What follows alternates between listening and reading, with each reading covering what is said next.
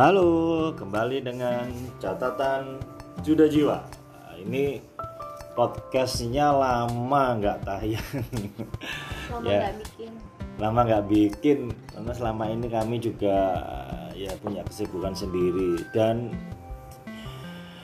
episode terakhir kita kan tentang COVID kemarin. Ini masih dengan istri saya Dina Juda hai hai hai saya Juda Jiwa ya jadi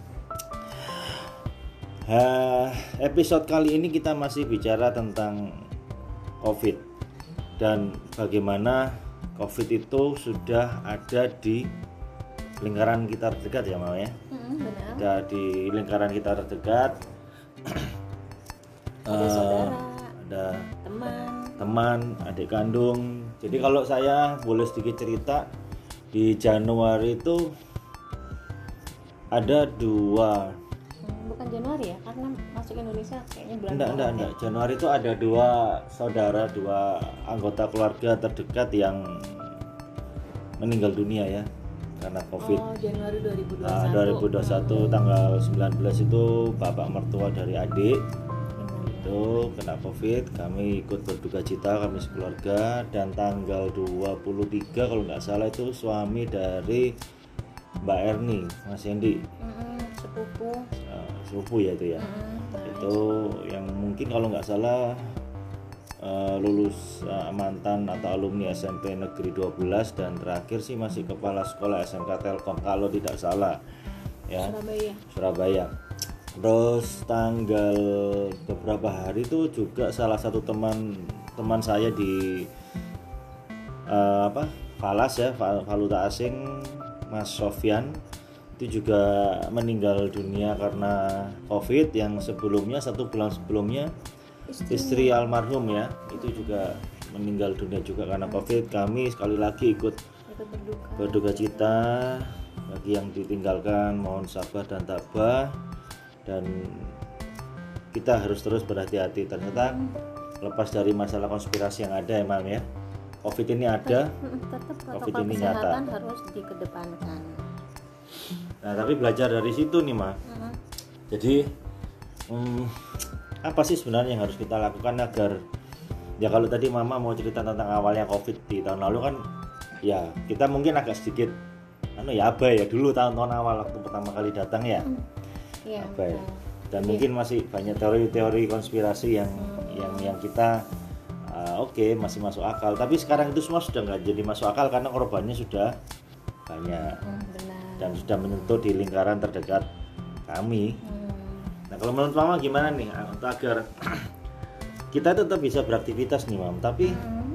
uh, covid ini paling tidak gak sampai menyentuh kita atau paparannya itu enggak, sampai menyentuh kita. Itu menurut mama pandangannya mama piye enaknya ya? Aktivitas tetap berjalan seperti biasa. Eh, yang ngantor ya tetap ngantor ya kan? Kemudian yang ya seperti biasa. Lah cuman ya harus tetap kalau saya minum vitamin. Setiap hari harus minum vitamin terutama vitamin C. Kalau bisa sebelum aktivitas itu hmm, olahraga dan berjemur. Kemudian eh, makan yang banyak. Nggak boleh diet. Di era covid ini sebisa mungkin jangan diet. Jadi apa aja dimakan terutama banyak makan sayur protein. Karena saya dengar eh, kemarin adik cerita selama isolasi di eh, di mana ya? Di rumah sakit darurat. Mm-mm, di rumah sakit darurat, darurat covid itu. eh, banyak diberi makan telur terutama telur. Telur ini ya telur godok ya. Iya heeh. telur rebus telur rebus Telur kalau bahasa. Indonesia ya. sehari itu bisa tiga tiga telur rebus tapi kan jamnya ada mama hanya dimakan siang, Ah, langsung. Siang. buka. mungkin di situ karena telur proteinnya tinggi ya. Dan daya serap tubuh mungkin lagi bagus ya Hmm, di siang itu ya. Waktunya siang kebanyakan. Jadi eh, banyak-banyak makan telur.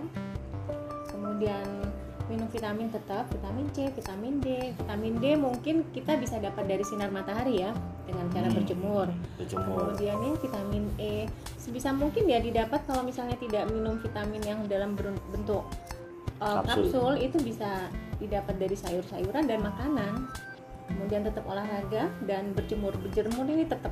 Yang paling penting sih berjemur sih kalau Ah, ah, D mah ya kan? Karena kalau iso- isolasi mandiri di rumah sakit atau di mana selalu ada jadwal untuk berjemur dan olahraga. Olahraga jadi jadi memang diharapkan mereka ada jadwal untuk olahraga dan berjemur di luar itu vitamin D-nya sangat tinggi. Ya, kalau dan sebenarnya banyak yang sembuh ya. Banyak jadi banyak. Sembuh kita banyak. tidak tidak tidak perlu khawatir yang berlebihan. Karena memang kebanyakan pasien yang masuk di rumah rumah, sakit sakit darurat itu. darurat Heeh. banyak yang sembuh. Tetap dengan protokol yang harus Protokol kita jalankan sehari-hari. Betul. itu aja sih kalau menurut tapi kalau di Saya- keluarga kita ya mam ya keluarga kita tuh sudah menjadi standar itu pasti itu satu itu vitamin. Vitamin. Vitamin itu kita minum itu A B kompleks Mm-mm. C Ya. D.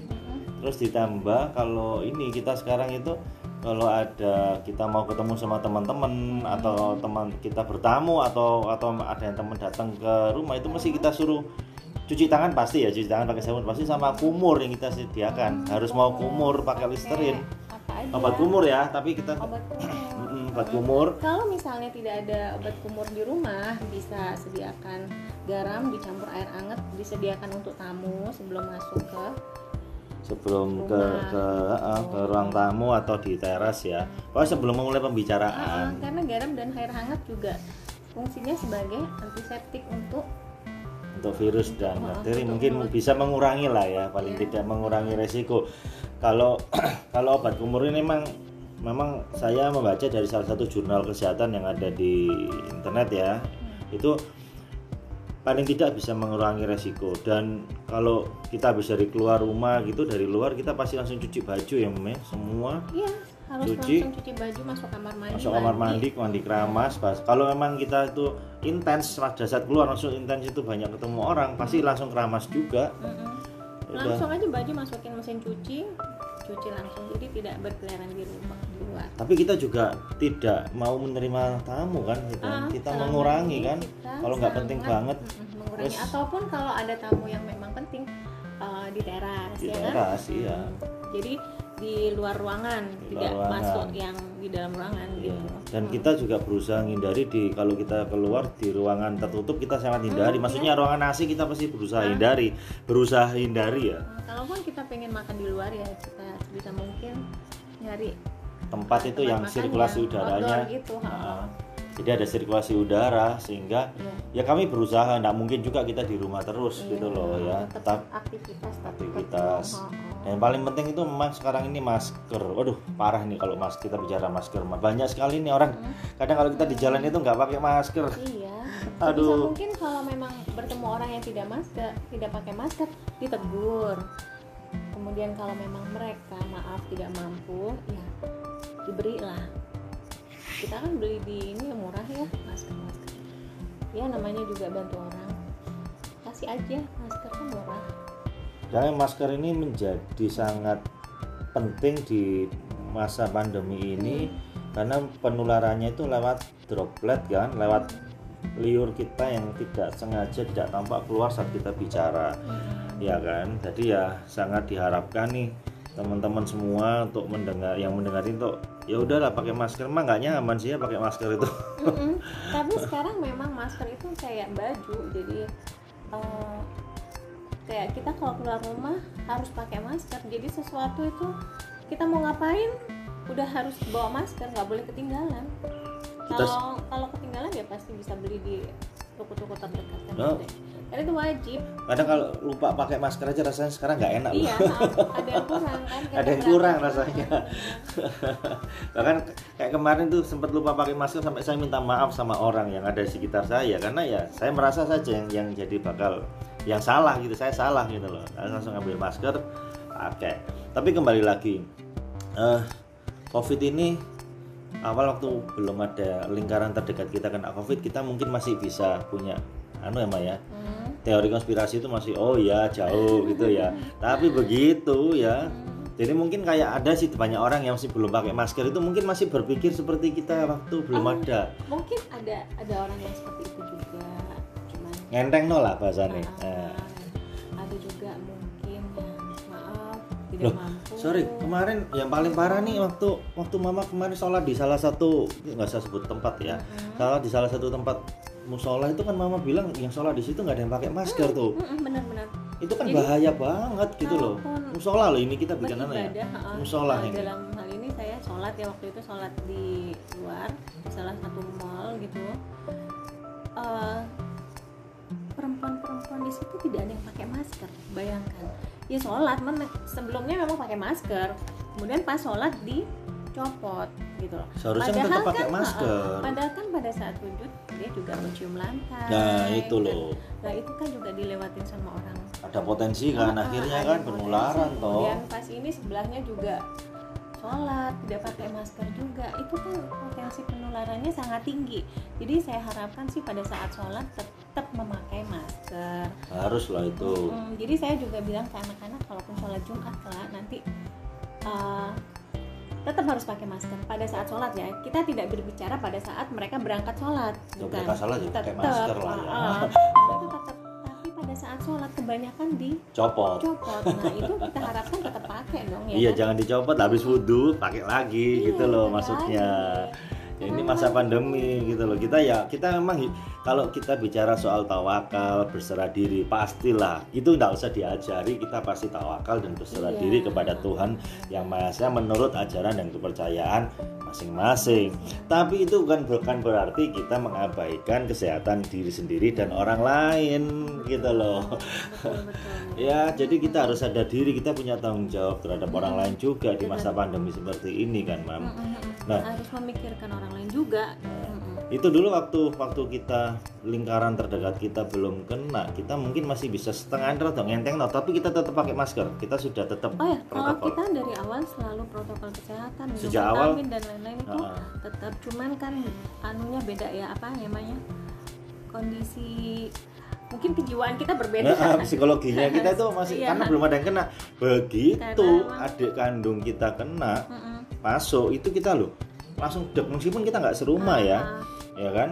Dek loh aduh kena terus bapak mertua Itu- adik itu. karena kena dulu di awal-awal covid itu orang yang kena covid agak di apa ya kayak dijauhin gitu loh. Awal aib covid gitu. kan dulu ha, jadi kasihan lah orang-orang yang kena covid di awal-awal dulu. Kayak uh, rumahnya harus dipoles line ada loh yang kayak gitu kemudian bukan polis lain kayak ini loh. Masuk polis maksudnya lain? bukan poles line gitu banner toh? Iya, ditutup, terus maksudnya kasih banner. Ah, ah. ya maksudnya kasih banner itu. dikasih tulisan bahwa rumah ini apa terpapar covid Mm-mm, gitu bener, kan. jadi di bukan bukan polis lain sorry Bukan sorry. polis bukan. yang kayak gitu maksudnya itu Bukan. secara uh, maksudnya dikasih sama warga itu ngasih?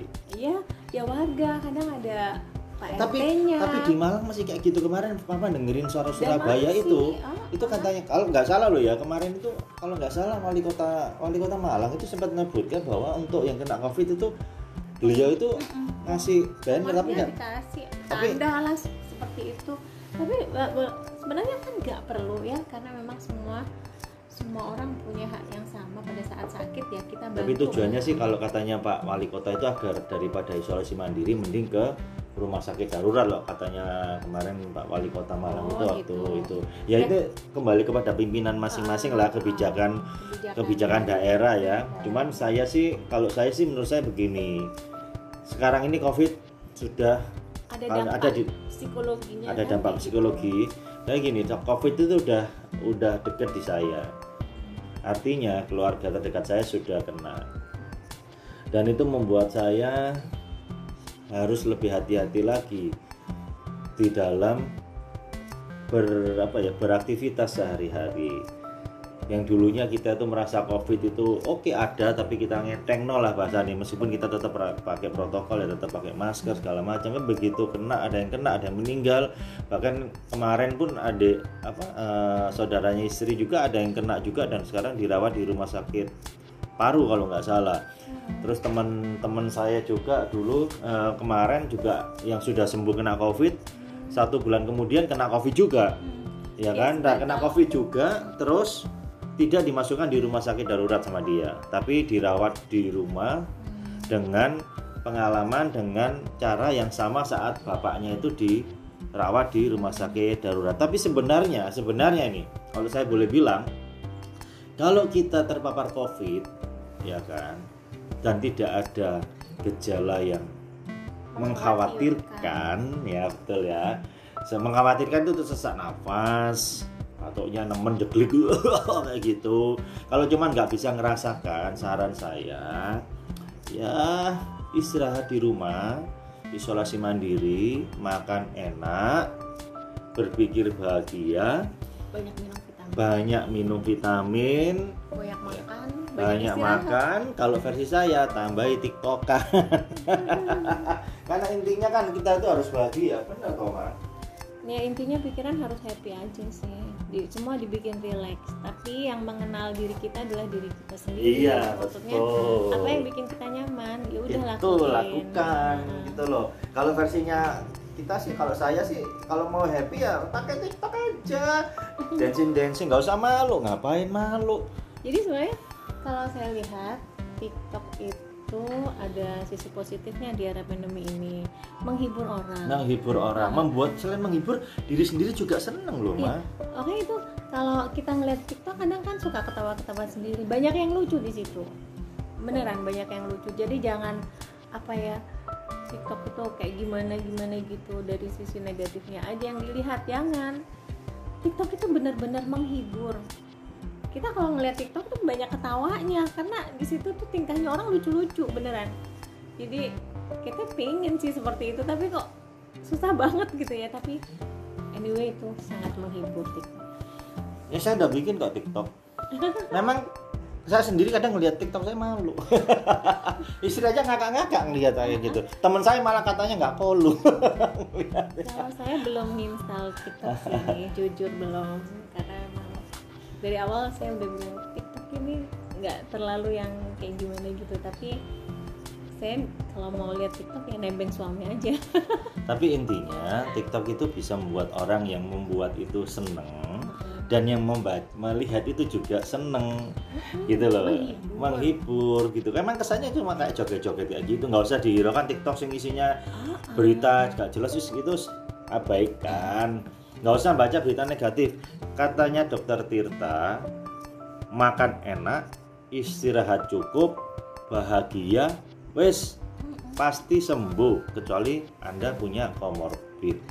Lah kalau punya komorbid atau penyakit bawaan ya nyun sewu harus lebih apa ya istilah hati-hati ya. Ah, lebih mawas Lebih- lagi lebih mungkin. mawas diri. harus kalau ke dokter ya atau ke rumah sakit ya memang ya gimana ya? Karena memang kalau misalnya sesak nafasnya parah? Ya mau nggak mau. Ah, kalau kan harus dirawat harus dirawat kan? Kalau memang makanya kalau sudah ada gejala yang mengkhawatirkan jangan ngotot isolasi mandiri. Maksudnya kayak gitu. Benar. harus tahu harus kita harus ngakur. Seperti tadi dibilang istri saya kita yang tahu diri kita. Mm-mm. begitu kayak gitu ya sudah langsung ke rumah sakit. Gitu. Gitu loh. Kalau misalnya masih ya ringan lah istilahnya. Banyak banyak istirahat di rumah aja kemudian banyak ya itu tadi yang kita sebutkan tadi mungkin bisa membantu. Ya ya. Pandemi ini kami berharap segera usai vaksinasi sudah mulai dilakukan sejak Januari Presiden kita Bapak Jokowi juga sudah maksimal terus dan terus berusaha dibantu oleh Menlu kita yang sekarang menjadi pimpinan dari COVAX kalau nggak salah itu organisasi yang untuk ngurus distribusi vaksin ke seluruh dunia. Indonesia sendiri saya dengar sudah berhasil mengamankan sebesar 600 juta dosis vaksin. Ya kan? Jadi ya harapan harapan kami, harapan saya, harapan istri vaksin sudah berjalan bahkan ini ini tanggal 9 ya. Hmm. Ini hari ini lansia sudah lansia itu artinya di atas umur 60 tahun ya. Itu sudah boleh untuk di untuk pengajuan vaksin Hmm. cuman caranya bagaimana saya kurang tahu coba anda kalian semua carinya di, di di internet ya bagaimana tapi kalau untuk penduduk sipil kayak saya dan istri itu kita dapat dimulai bulan Maret bulan Maret ya jadi yang yang sipil sipil meskipun anda kaya ya tolong ya sabar dahulukan nakes dahulukan TNI dahulukan polisi dahulukan teman-teman kita yang ada di gar- Pelayanan publik. pelayanan publik yang ada di garda depan ngurusi covid Hmm. ya jangan meskipun punya duit umpamanya ya jangan ngotot jangan janganlah ya Jangan. kayak gini kan kita bisanya mawas diri mawas saling diri bantu. saling bantu saling menghargai yang pernah kena covid tolong donor darah plasma Mm-mm. Ya itu itu sangat membantu. Wes ayo kita saling bantu di sini. Jangan rasa ya yaan lah jangan. Aku duduk aku soal jangan. Ayo Mm. percuma juga kita sehat kalau sekeliling kita semua mati umpamanya kena. Iya kan? Ya kita harus sehat juga. semua.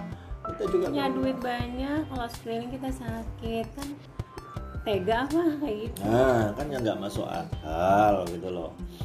Jadi intinya sahabat-sahabat semua mungkin ya apa ya, masker ya mami paling penting ya.